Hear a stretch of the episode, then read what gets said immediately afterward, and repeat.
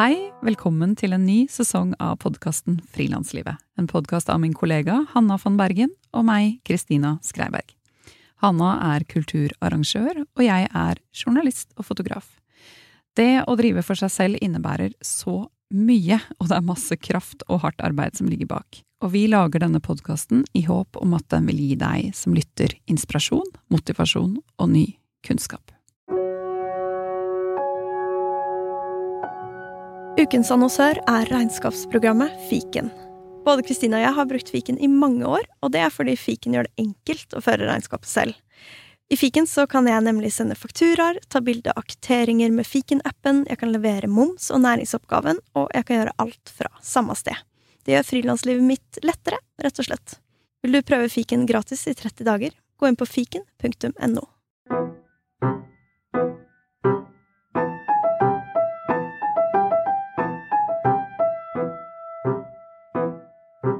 Dagens gjest er Esra Røise.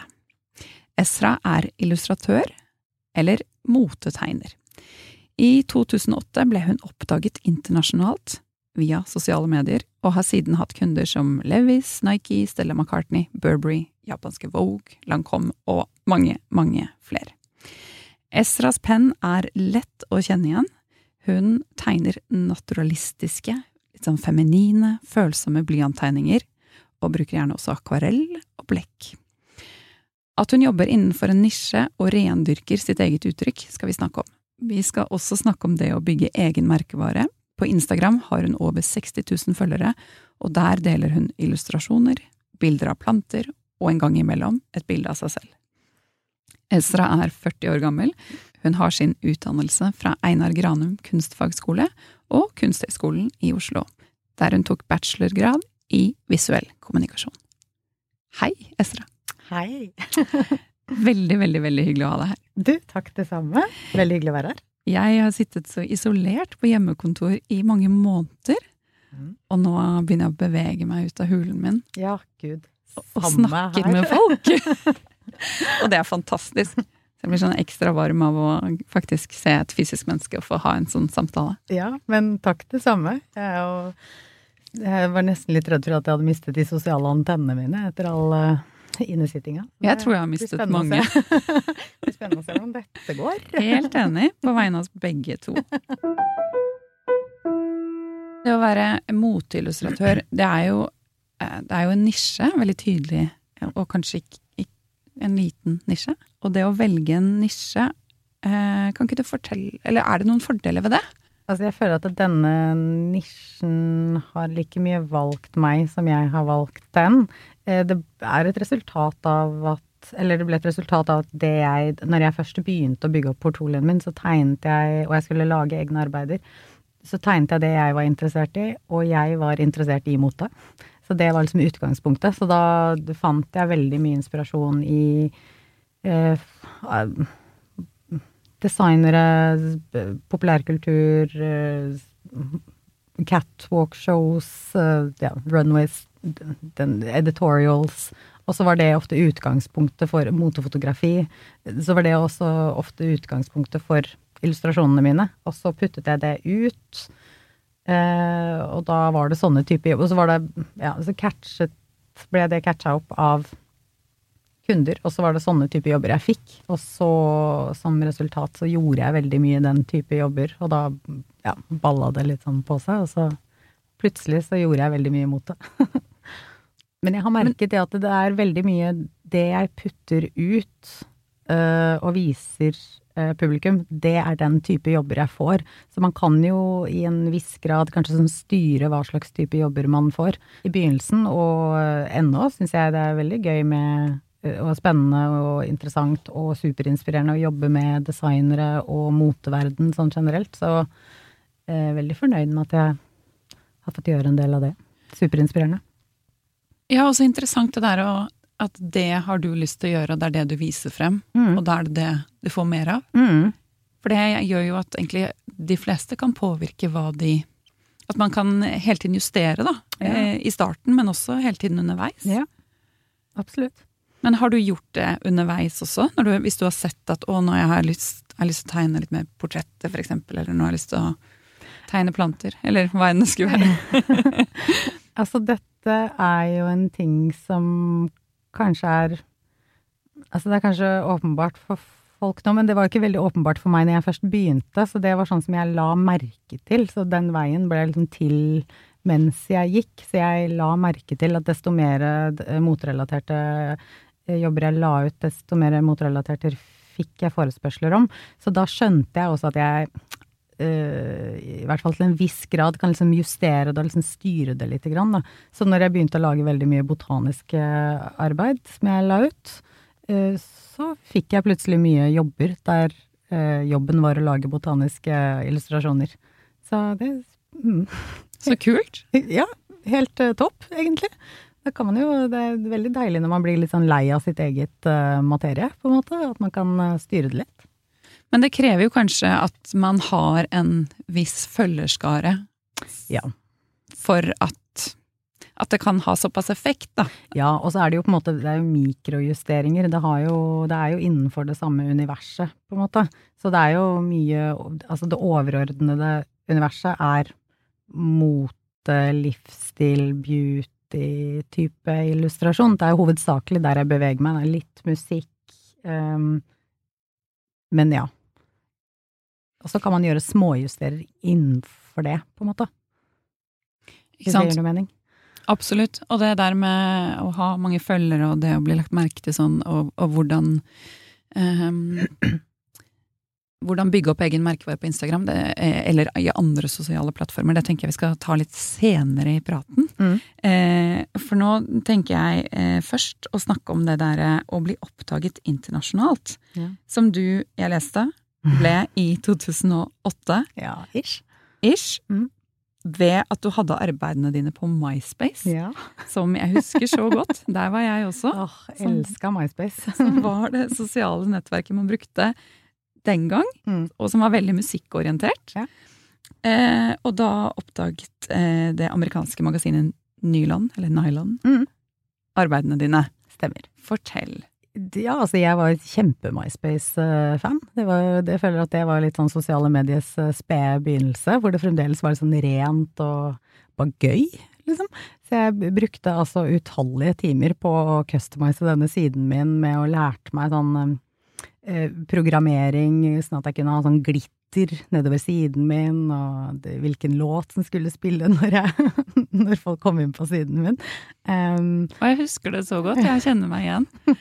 Og det var, ja, det var jo eh, bilder også, men det var veldig orientert rundt musikk. Ja, Og det likte jeg veldig godt. Ja, men uh, musikk og bilder. Og det er uh, altså mine to favoritter. Twitter har aldri vært noe for meg. For jeg har uh, altså tekstbasert, jeg tenker jeg er ikke noe Jeg er ikke så morsom, så det, jeg har ikke så mye å tilby akkurat der. Men akkurat på bildefronten følte jeg at jeg Og musikken, det var, men det er jo en måte å presentere hvem man er på, sånn gjennom det visuelle og Ja.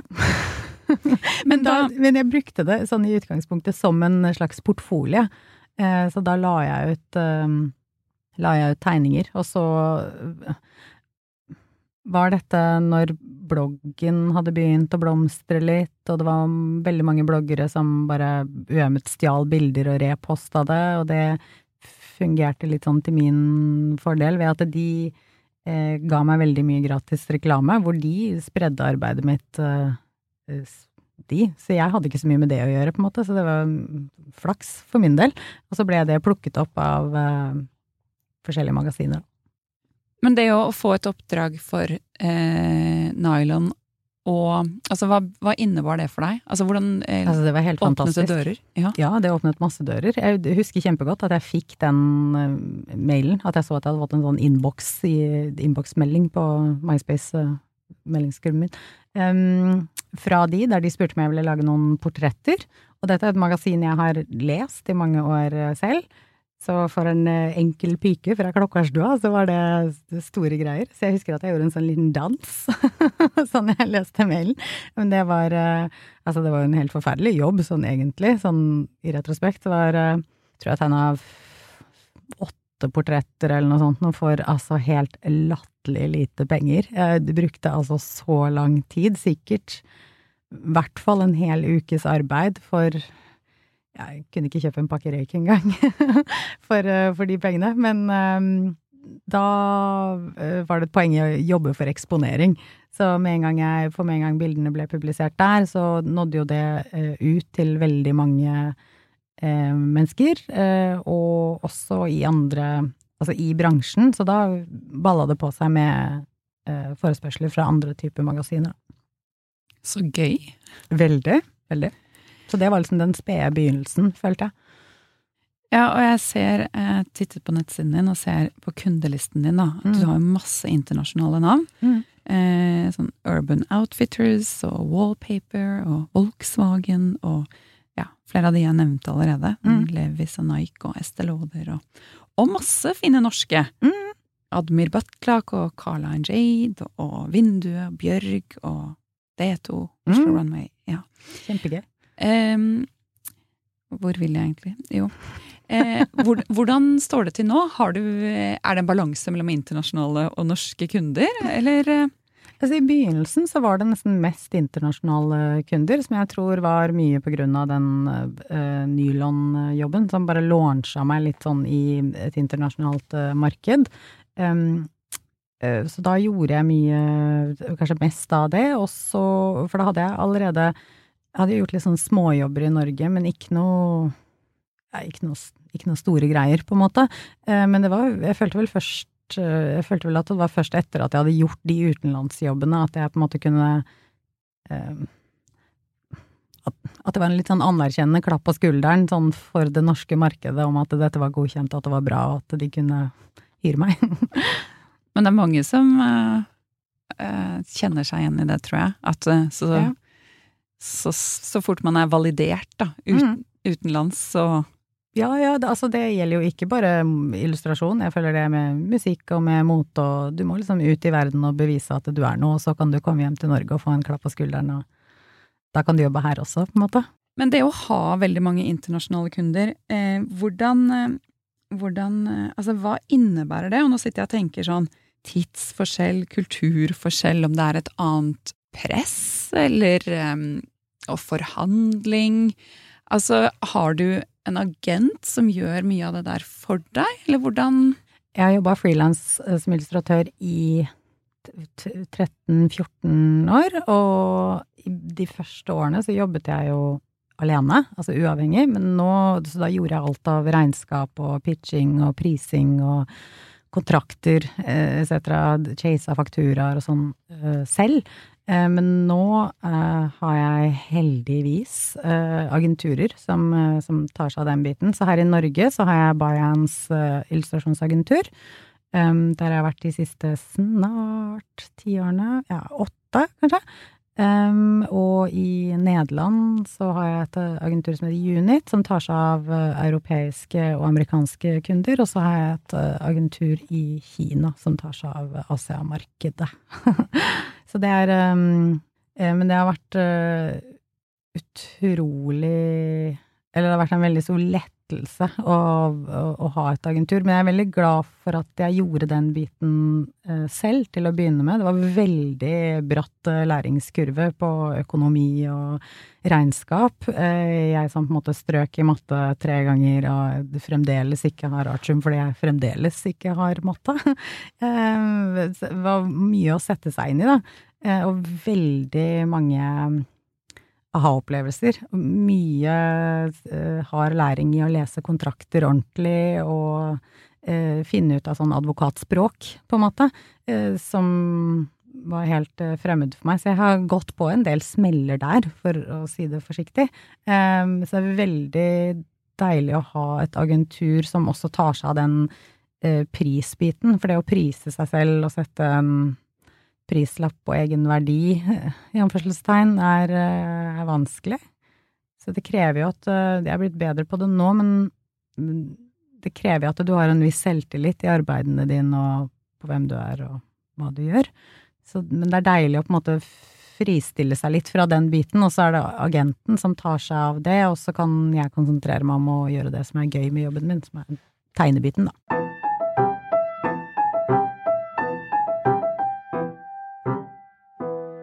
Men jeg sitter jo og tenker hvor fascinerende det er at det ene leder som regel til det andre. Og det er veldig mye av det. At ting skjer ofte sånn steg for steg. Mm. Da skjedde det også.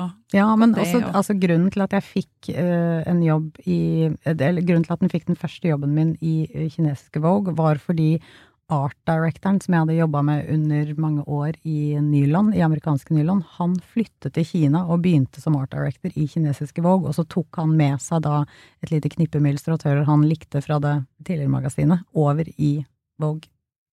Og et voilà, så Ikke jobbet jeg for kinesiske Vogue. Ja.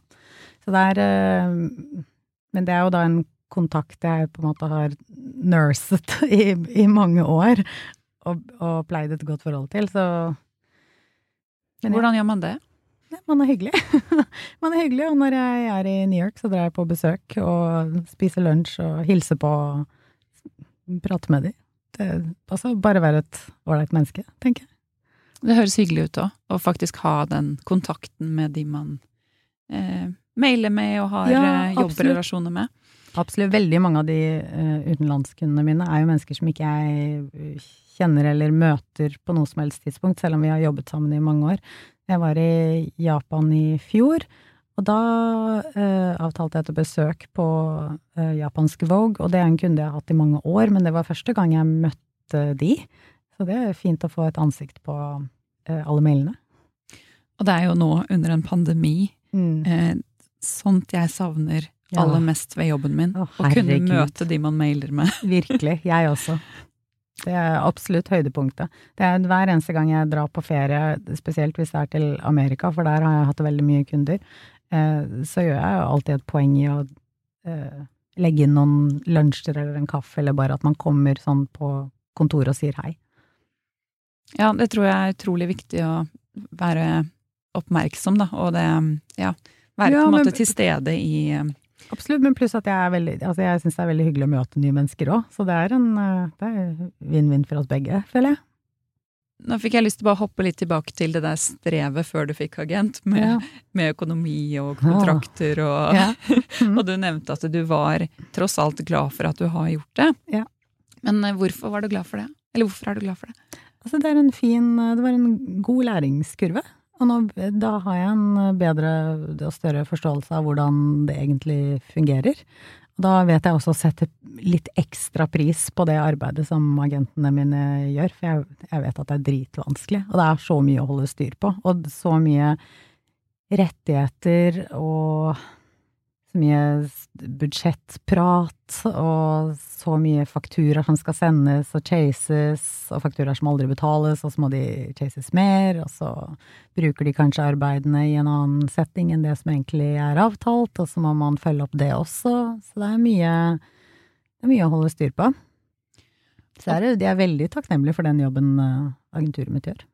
Og på hvilken måte har det endret arbeidshverdagen din? Altså, den har lettet arbeidshverdagen min med jeg holdt på å si 1000 prosent. Ikke Altså, veldig, veldig mye enklere. Nå er jo alt fokuset mitt på eh, å, å gjøre jobben min, som er tegnejobben, på en måte. Så nå istedenfor at jeg setter av tid til eh, Jeg gjør fremdeles admin-ting, men istedenfor at jeg setter av da tid til å skrive en kontrakt, researche kontrakten deres, eh, sette opp budsjetter, så kan jeg nå bruke tiden på moodboards, planlegging, skissing, eh, tidslinjer, utforske litt ideer. Altså, dette kommer jo helt an på hvor eh, tight deadline er, men jeg, ofte så jobber jeg jo med en veldig stram deadline, og da er det deilig å bare kunne eh, fokusere tiden på det, istedenfor alt det andre. Som også tar eksepsjonelt mye tid, kanskje litt ekstra for meg fordi det ikke ligger så naturlig for meg å gjøre hele den regnskapsbiten. Jeg er en regnskapsfører, for å si det sånn. Det høres utrolig deilig ut å få frigjort veldig mye av alt det der andre, ja. Det frigjør jo også litt ekstra tid til at jeg kan tegne bare for meg selv, eh, som er noe av grunnen til at jeg eh, fortsatt syns at jobben min er veldig morsom. Altså det er jo hobbyen min som ble jobben min, så jeg tegner jo både for å slappe av og føle meg kreativ og for å bli inspirert. Eh, like mye som jeg tegner for å jobbe, på en måte, og tjene penger. Hvor mye tegner du i løpet av et døgn? Hvor mange timer? Eller i løpet av en uke? Jeg aner ikke.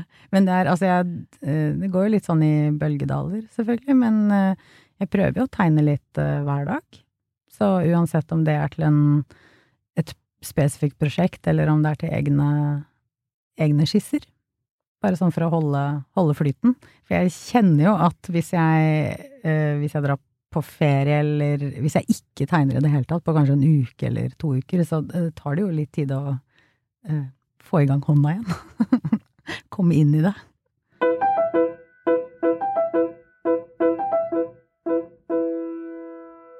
Men når begynte du å tegne? Jeg tenker sånn barndommen din, var det, var det tegning en del av det? Ja, det var det. Jeg har vært en sånn, jeg har tegnet siden jeg var liten. Så jeg har, eh, altså jeg er oppvokst med Eh, fire andre søsken som eh, var kanskje litt mer sånn atletiske enn meg. som gjorde mye sånn sportsting. Jeg var aldri interessert i noen sportsgreier. Så jeg satt bare og tegna. Det er eh, der jeg har funnet glede og avslapning og inspirasjon helt siden jeg var liten. Så jeg kunne sitte og tegne sånn i, og bare zone ut sånn i mange timer. Jeg tenker også at det er eh, Det var også en sånn liten sånn boble som jeg lagde for meg selv, der det var bare mitt, når alt annet må deles fordi du har så masse søsken, liksom. så det har noe Det har alltid vært noe jeg har vært veldig glad i. Så jeg har alltid tenkt at det er noe jeg hadde lyst til å fortsette med. Det tenkte jeg helt siden Altså, det var planen siden jeg var liten, men da visste jeg jo på en måte ikke at man kunne bli illustratør. Jeg visste ikke at det var en ordentlig jobb, så jeg eh, hadde slått meg til ro med at ok, det blir kanskje ikke illustratør, da, selv om ikke jeg visste at det var et begrep, men at jeg hadde lyst til å eh, tegne og ha med håndverket inn i en eller annen form for konstellasjon i den jobben jeg skulle ha. Jeg leste at du jobbet i en eh, skatebutikk, mm, og på et eller annet tidspunkt så sa du opp og satset på å være frilansillustratør ja. på fulltid. Ja, det stemmer. Det har alltid vært uh, hobbyen min, som jeg har sagt. At, um, jeg har alltid tegna sånn for å, for å, slappe av og for å ha det gøy, men jeg, jeg jobba nede på Arkaden i mange år, og det syns jeg var helt fantastisk. Uh, så det sto og mekka brett og snørte sko. Uh, så det var helt nydelig. Vi fikk reise masse og var med Dro på messer i San Diego. Det var helt topp.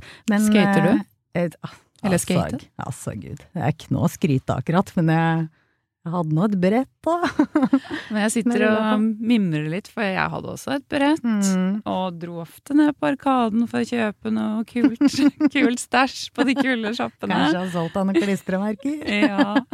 Og leste nylon og var på MySpace og ja, alt det der, da. Ja, det er veldig sånn uh, tidsdefinerende, føler jeg. Mm. Uh, men det, altså, den jobben der uh, dannet jo også mye av grunnlaget for liksom musikkinteressen min, og altså med skatevideoen og ja, bare min kjærlighet for subkultur og det alternative Det høres så corny ut å si det, men hele den livsstilspakka, Men eh, det var eh, Jeg jobbet jo som eh, illustratør litt sånn på si når jeg jobba nede i skatesjappa også, med at jeg gjorde litt sånn um, annonser for den sjappa jeg jobba for, og det var alltid liksom en, en, venn som kjente noen som trengte noen tegninger. Um, men um, jeg hadde veldig lyst til å gi illustrasjonen en sjanse, og så fikk jeg jo gradvis mer og mer jobber, og så tenkte jeg at herregud, nå må jeg bare, må jeg bare prøve. Og jeg skulle egentlig ta over den sjappa der, husker jeg det var snakk om. Men jeg tenkte at nei, nå, nå, jeg, nå begynner jeg på Kunsthøgskolen, og så se om, disse, se om det funker, på en måte. Og det syns jeg var eh, superskummelt. Det skumleste jeg har gjort, nesten. Bare For det er jo en økonomisk eh, vanskelig periode, sånn, i hvert fall i startfasen. Um, så det var kjempeskummelt. Men det er jo Og det har vært uh, mye hard jobbing og mye søvnløse netter og lurer på om jeg har råd til husleie og teller på kronene um, opp gjennom årene. Men jeg er veldig glad for at jeg gjorde det. Det er jo verdens beste jobb, liksom. Helt fantastisk. Det er drømmejobben min. Når det funker, så er det helt fantastisk. det er friheten og den gleden som er i å ha, lage sin egen jobb og være sin egen sjef, og du er den som driver jobben din fremover, og du er den som bestemmer innholdet i jobben din. Altså, det er helt, det er helt fantastisk. Jeg tror nok aldri jeg hadde klart å jobbe så mye og så lenge hvis ikke det hadde vært for at det er en jobb som er drevet av min kjærlighet til det jeg driver med, da. Men opp gjennom disse årene med startfase og søvnløse netter og Mm. Bare for å få et sånt bilde av hvor mye, hvor mye tid har du investert i å satse på en måte på ditt, eh, og, og tegne, og på, på, en måte bare øve deg på å bli eh, god, da, eller bli dyktig? Eh, mye. eh, altså jeg tenker at man kan, altså man kan jo bli god til hva som helst, på en måte, så lenge man gir det tid og plass i livet. Men jeg følte at dette var så viktig for meg at det At jeg hadde liksom ikke noe valg, selv om det høres litt sånn corny ut å si. Så jeg har jo Altså, det er så mye avlyste avtaler og kansellerte middager og nei, jeg kan ikke allikevel for jeg har en deadline og Altså, det er Det var så mye jeg avlyste, bare fordi jeg måtte jobbe istedenfor. Men altså, ikke måtte jobbe, jeg hadde lyst til å jobbe. Hvor det var en prioritering for meg.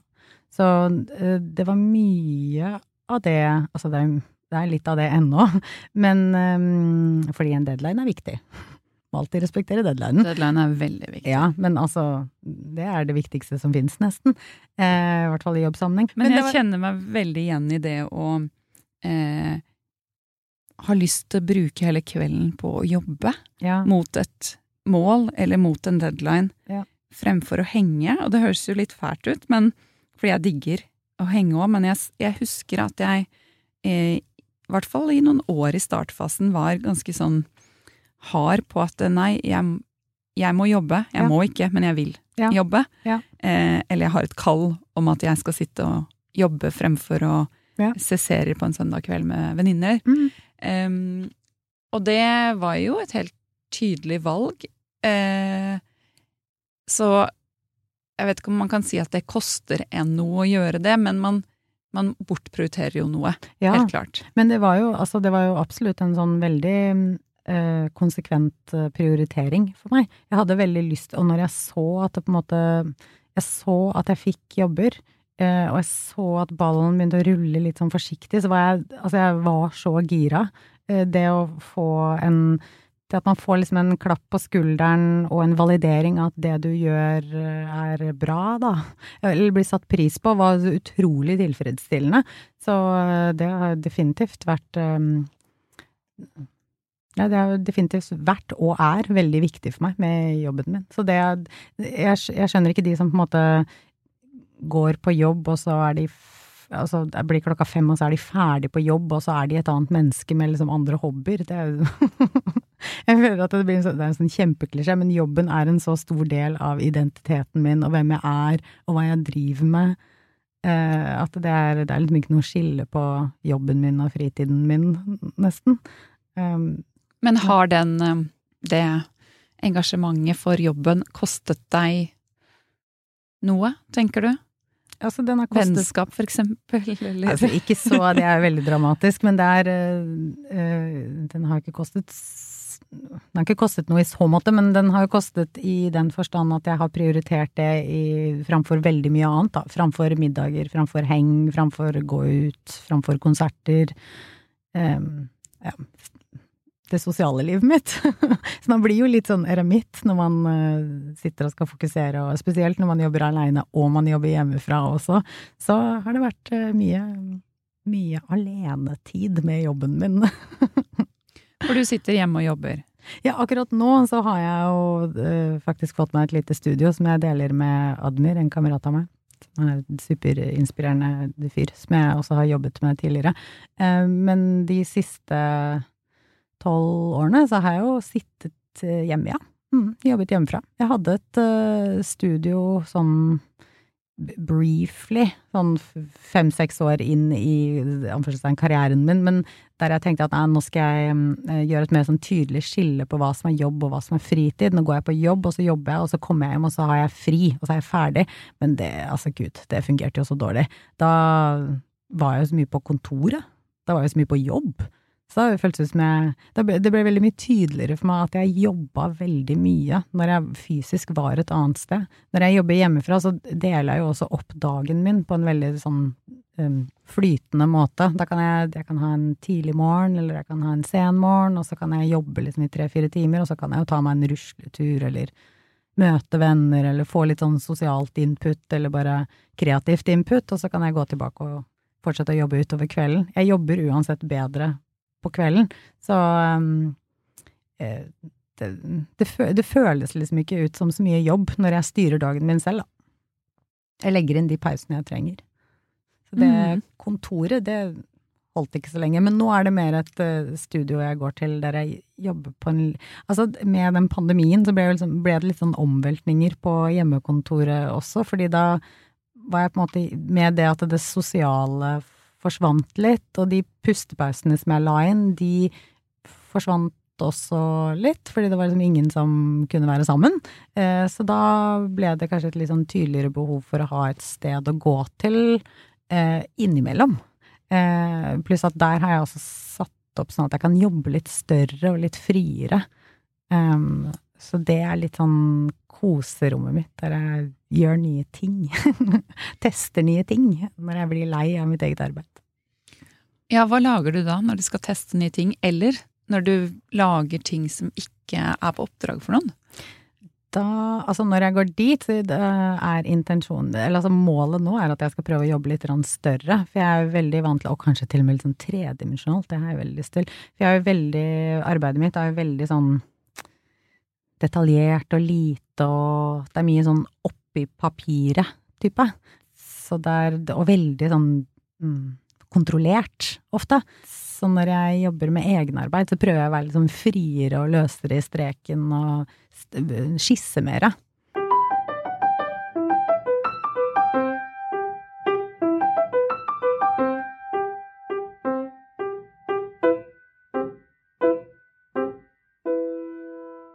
Syns du du får til en balanse mellom det å ta betalt oppdrag og ting som på en måte bare ruller og løper, som man oh, har Gud. deadliner til. Ja, det er vanskelig. Det... Ja, og det å få eh, laget noe som man kanskje har lyst til å lage i 3D. Ja, ikke sant? Eller noe kjempesvært som tar en hel vegg. Eh, det er jo en uh, balansegang. Det er en treningssak. Det er sånn som jeg syns er vanskelig ennå. Altså i perioder så er det jo sånn at jeg har veldig, veldig mye å gjøre, så da er det mye mindre tid til egne ting. Eh, men jeg, og jeg, jeg tror alle som jobber med noe kreativt, har følt at på et eller annet tidspunkt så uh, prioriterer du ting fordi uh, det er den økonomiske gevinsten, og kanskje ikke så kreativt. Men jeg føler at jeg har vært heldig med at det har vært en god um, balanse i at det som jeg gjør fordi jeg må ha penger, er også noe jeg gjør fordi jeg syns det er gøy, da. Men det handler jo også om at man må bare være liksom konsekvent til å sette egne grenser for seg selv, og prøve å liksom sette av og blokke ut tid til at nå skal du faktisk jobbe med egne prosjekter. Å, men det har jeg funnet ut at er helt uh, essensielt for meg, for at, for at jeg skal liksom holde kreativiteten gående, og det at jeg syns at det er gøy. Hvis jeg bare gjør ø, betalte jobber hele tiden, og ikke på en måte får noe sånn kreativt påfyll eller noen sånn pauser til å utforske nye ting, og bare liksom gjøre noe for min egen del som ikke skal noe sted, så ø, blir jeg litt sånn ukreativ. og det, det Ja. Så da Ja, det fòrer jo inn i dem du skaper i den der egentiden, det feeder jo inn i oppdragene ja. på en god måte. Ja, absolutt. Jeg, jeg, føler også at de er helt nødvendige for at jeg skal drive denne jobben og dette virket mitt, og liksom innholdet i virket mitt framover. Og kunne klare å hele tiden skape. Mm. Ja. Absolutt. Og det er jo ikke alltid man Altså, jeg sitter jo ikke og er kreativ og inspirert 24 timer i døgnet heller. Noen ganger så er jeg jo super uinspirert og har ikke lyst til å tegne noen ting. Og da men da føler jeg at jeg er veldig heldig som jobber frilans, som da kan gi meg selv litt pause, hvis jeg har, hvis jeg har tid, forutsatt at jeg har tid til det, da. Um, hvor jeg bare legger fra meg tingene mine og tar en gåtur eller altså pre-pandemi, går på konsert, går og ser en utstilling, bare får litt nye inntrykk og bare renser hodet litt før jeg kommer tilbake til jobben min. Jeg sitter og tenker hvor, hvor fint det er å være bevisst på å fylle på og blokke ut tid til det. Fordi den, det er lett at den, det blir så nedprioritert hvis man ikke blokker ut tid til det. Ja. Men det, er, det, har også vært en sånn læringsting for meg, hvor jeg kjenner i perioder der jeg har hatt veldig, veldig mye å gjøre, hvor det ikke har vært noe tid til det i det hele tatt, hvor jeg blir helt sånn drained. Og det er ikke noe livsgnist igjen. Og det synes jo i arbeidene mine også. Da syns jeg ikke Altså, da blir jeg ikke så fornøyd med ting jeg gjør, så da er det viktig for meg at jeg setter av tid til å gjøre egne arbeid. Hvor går tankene dine når du sitter og tegner? Ja, hvor går de? De Ofte så hører jeg på musikk eller en podkast når jeg tegner, så de eh, Altså, musikk er superinspirerende når jeg sitter og tegner, så det, eh, det jeg hører på, kan jo ofte styre liksom måten, måten jeg tegner på, eller innholdet i arbeidene mine. Du skriver som playlist nederst. Ja, sant. Men ofte så er det, når jeg sitter og tegner for meg selv, så eh, kobler jeg bare ut hodet, og så er det veldig meditativt. Altså, jeg tegner jo fryktelig mye hår, og det har jeg gjort helt siden, helt siden begynnelsen, på en måte. Helt siden jeg på en måte landa litt i mitt eget uh, uttrykk. Og det uh, er hovedsakelig fordi det er utrolig meditativt å sitte og tegne. Det er liksom den samme repeterende bevegelsen med den lyden av blyanten som treffer det litt grove papiret, som bare gir en sånn åh nå har jeg skjønt i senere tid at det er sånn ASMR-trigging. Uh, Ikke sant? så det, kanskje det er en grunn til at jeg er så glad i å tegne. det gir meg sånn eh, hjerneavslapning. Hjern, hjerneorgasme. Mm. Mm. Og jeg leste at du eh, syns at blekk som blander seg i vann, er noe av det vakreste som finnes. Ja, altså det er så corny å si, men det er helt sant. Jeg syns det er helt eh, fantastisk. Å jobbe med blekk er uh, så utrolig takknemlig. Gjør, og ekstremt frustrerende, selvfølgelig. Eh, fordi det gjør jo på en måte bare det det vil selv. Så det blir sånn kontrollert uh, Ukontrollert, kontrollert kaos. Men uh, ja, nei, det er vakkert. Det blir som en sånn abstrakt liten dans. Men det er jo også ved å jobbe med blekk og ved å introdusere nye materialer, så er det jo også en måte å på en måte utforske sitt eget eh, uttrykk på. Eh, som blir til mye sånn happy accidents som man kanskje igjen eh, ender opp med å like kanskje som brøkdel av det, og så ta det med videre i arbeidet sitt.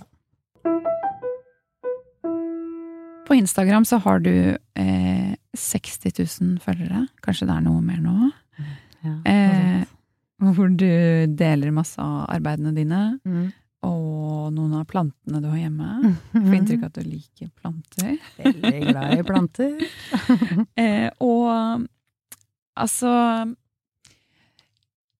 Det å bygge merkevare, eller den derre bevisstgjøringen på hva man legger ut, Mm. kan vi ikke snakke litt om det? Jo, det kan vi snakke litt om.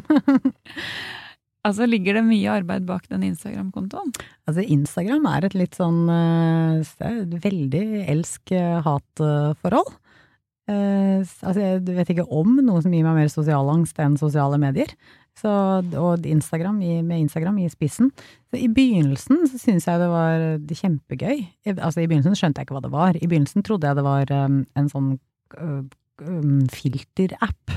Så jeg, sånn som Jeg husker ikke hva den heter engang. Men uh, Hipstematic ja, eller noe sånt? Jo, jeg trodde at det var Hipstamatic.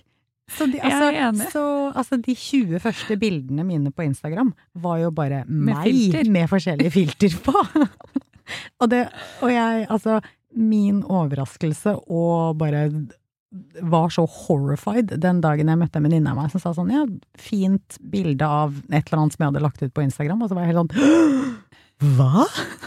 Er det på internett? Og det var bare rett inn og redigere, slette absolutt alt. Men eh, når jeg skjønte hva det var, da, eh, så fungerte det jo som en utvidelse av eh, portfolien min, blanda med bare en slags bildedagbok. Det syns jeg var kjempegøy. Intuitivt, fint, interessant. Fin måte å liksom bli kjent med nye mennesker på, se nye ting, dele litt av sin egen hverdag. Men jeg var veldig mye mer um, ikke privat, men personlig, sånn i begynnelsen. Og det var veldig mye mer intuitivt. Um, men når Instagram ble big business, så nå, altså nå føler jeg at det er noe helt annet. Nå er jo Nå legger de jo ikke skjul på at det er det er corporate, liksom. Det er ikke så mye gøy og intuitivitet og glede igjen. Det er uh, corporate. Men det, nå er det kanskje en tydeligere portfoliebit eh, enn det det var tidligere, for nå er det jo mer fokus på tegningene mine. Eh, men jeg prøver jo å spe litt med ting som jeg syns er gøy eh, i andre kontoer, der jeg liksom ser litt av hvem de menneskene er, og hva de driver med. Og så er det jo en veldig kuratert utgave av hvem du er, og hva du driver med, selvfølgelig, men et, ja, et lite personlig innblikk, da. Men det er en uh, Nei, det er elsk hatt. Men uh, de som følger deg, altså har de kommet til av seg selv? Og, og, på en måte hvor viktig har det vært for å uh, synliggjøre det du gjør? Det var kjempeviktig. Altså en periode så var jo Instagram hovedkilden til jobbene mine, nesten. Jeg kunne legge ut arbeid, og så jeg jobber basert på de arbeidene. Og det var utrolig spennende. Og kjempegøy. Så det brukte jeg jo, da brukte jeg det jo aktivt som en portfoliebit, eller som en sånn jobbpitch-kanal. Eh, eh, som en sånn utvidet del av portfolien. Men ja, nå Altså, de kom til De er jo kommet til organisk. Sånn i, i, begynnelsen så bare vokste det litt sånn av seg selv, og så har man litt giveaways, og så kommer det enda flere på, og så Men når alle disse nye algoritmene ble introdusert, og det plutselig ble en sånn jobb å skulle være synlig på Instagram, hvor du Åh, gud, og så gjorde jeg om kontoen min til en sånn business account, og fikk sånn blå liten verified åh, stjerne på, så corny. Nei, da ble det jobb med en gang. Så det er jo litt jobb. Men jeg, altså, jeg syns jo det er gøy, men jeg syns det er mer jobb nå enn det det var tidligere. Og det eh, føles som et litt sånn urealistisk En sånn urealistisk forventning om at du skal produsere masse hele tiden. Og hvis ikke du har lagt ut noe på fire dager, så har du liksom ingen synlighet igjen, og du må jobbe deg opp. Synlighet igjen, og du må være superaktiv, og altså det blir jo som en heltidsjobb, nesten. Men Og den biten kan ikke agenten ta. Nei, dessverre. Nei, dessverre. Altså, jeg vet jo at det er folk som har assistenter og intern som tar seg av sosiale medier. Det er jo en, er jo en jobb, liksom. Så, og det skjønner jeg. For det, et brand er det jo det. Ja, det, virkelig, og det skjønner jeg, fordi det krever mye innsats. Men nå har jeg tenkt at jeg bare, jeg bare orker ikke ha så mye sånn strategi involvert i Instagrammen min. Jeg legger ut det jeg har lyst til å legge ut, og så er det da som resultat mye tegninger, mye bilder av katta mi, mye bilder av plantene mine, en sjelden gang iblant hva jeg driver med, i bilder av meg sjæl. Ja, det blir en uh, mer sånn organisk blanding, men, jeg, det er ikke så mye strategi bak det lenger. Det er det ikke. Men det, har du perioder hvor du skulle ønske du slapp å forholde deg til eh, den tilstedeværelsen? Mm, det ja, absolutt, ja. Jeg blir eh, perioder der jeg ikke syns det er noe gøy i det hele tatt, og det kjennes ut som et uh, ork at jeg skal legge ut Eller altså, jeg kjenner på det hvis det har gått mer enn en uke siden jeg la ut noe. Altså, før så gikk det, gikk det ganske naturlig, fordi når jeg da ikke hadde mye jobb, så satt jeg og tegna for meg selv, og så tenkte jeg ja, men da tegner jeg noe til Instagram istedenfor. At jeg brukte det som en sånn kanal til å bare teste ting. Uh, og så er det jo utrolig tilfredsstillende med sånn lite dopaminrush med liksom masse likes og uh. Men det er jo også helt grusomt. Uh, men um, Ja, det var en periode hvor jeg liksom tenkte at jeg måtte produsere så masse til Instagram. Eh, og da blir det jo mer pes enn det er gøy, syns jeg. Men eh, nå har jeg fått tilbake litt mer sånn avslappa forhold til det. Så nå, hvis det går en uke, så går det en uke. Da får det bare være. Ja, sant, Gå litt i bølger, hvordan man klarer å forholde seg til sånt. Det er på en måte forventningspresset som kanskje egentlig bare kommer fra en selv. Ja, men altså, altså tror jeg at det, eh, jeg også en periode tenkte at liksom det skulle være så Du vet sånn når Instagram ble en sånn business, og folk hadde sånn kuraterte grids, og alt hadde, det hadde en sånn fargetema, eller Ja, nei, det, det Og jeg tenkte at å gud, dette må jeg også ha. Men det det var ikke noe for meg, altså. Så nå, det ser litt sånn gjøglete ut på Instagrammen min, men eh, det er sånn koselig, koselig gjøglete, da, tenker jeg. Å ja, nei, det, jeg tar det opp fordi det var så fint. Så ser Det er veldig veldig nøye kuratert ut. Ja, så litt kuratert er det jo, men uh, jeg, ja, jeg tenker det, man legger ut det man vil at folk skal se, liksom. Og så blir man jo sånn konstant påminnet på at Instagram er ikke ekte, og det som presenteres på Instagram er kuratert og fiksa på, men det er, ja. Men så lenge man på en måte har det i bakhodet, så lenge man forholder seg til det for det det er, så syns jeg Instagram er gøy. Så lenge jeg ikke har en sånn oppfatning om at jeg må prestere på lik linje som illustratører med liksom 200 000 eh, følgere. Jeg er veldig fornøyd der jeg er akkurat nå, som på Instagram. Og det funker fint som en sånn jobbkanal også. Ikke nå like mye som du gjorde før, men nå er det mer som en sånn et sånt koselig output, og et sted der jeg kan snakke med andre mennesker. Ja, det er jo fint at man kan også eh, hygge seg med deler av det òg. Men jeg kan bare si noe om den Instagrammen, fordi at sånn i begynnelsen så skjønte jeg jo sånn med Etter hvert som jeg fikk et litt sånn voksne publikum, så skjønte jeg jo veldig godt hva folk likte og ikke likte. Det blir jo veldig tydelig. Så det var liksom tegninger de likte aller best. Eh, bilder av katta mi, sånn helt ok. Bilder av vennene mine, ingen er interessert. Bilder av konserter jeg går på, nobody cares. Så det, bare kutta jeg ut, da. Men bilder av deg selv, det vil de vel se. Ja, de lander sånn et sted mellom katta mi og tegninger. Ja. Men jeg tenker Mm. at det er jo Det er sånn Jeg kan kjenne igjen selv. Jeg, jeg vil jo veldig gjerne se hvem som lager arbeidene. Det føles jo som en sånn liten eh, titt bak gardinen, og så kan du se sånn på bakrommet behind the scenes, liksom. Uansett hvor kuratert det er, da. Men egentlig fint at uh, tegningene er det mest populære. Ja, det, men det syns jeg også, og jeg syns det er et uh, fint sted å putte sånn prosessbilder og um, Et sted der jeg liksom tester ting. Eh, og eh, ofte så syns jeg jo prosessbildene eller arbeidene mine er fine, og jeg liker de bedre når de er i prosess. Eh, så da blir det en sånn et sånt lite snapshot av de i den formen som jeg noen ganger liker de best i, da.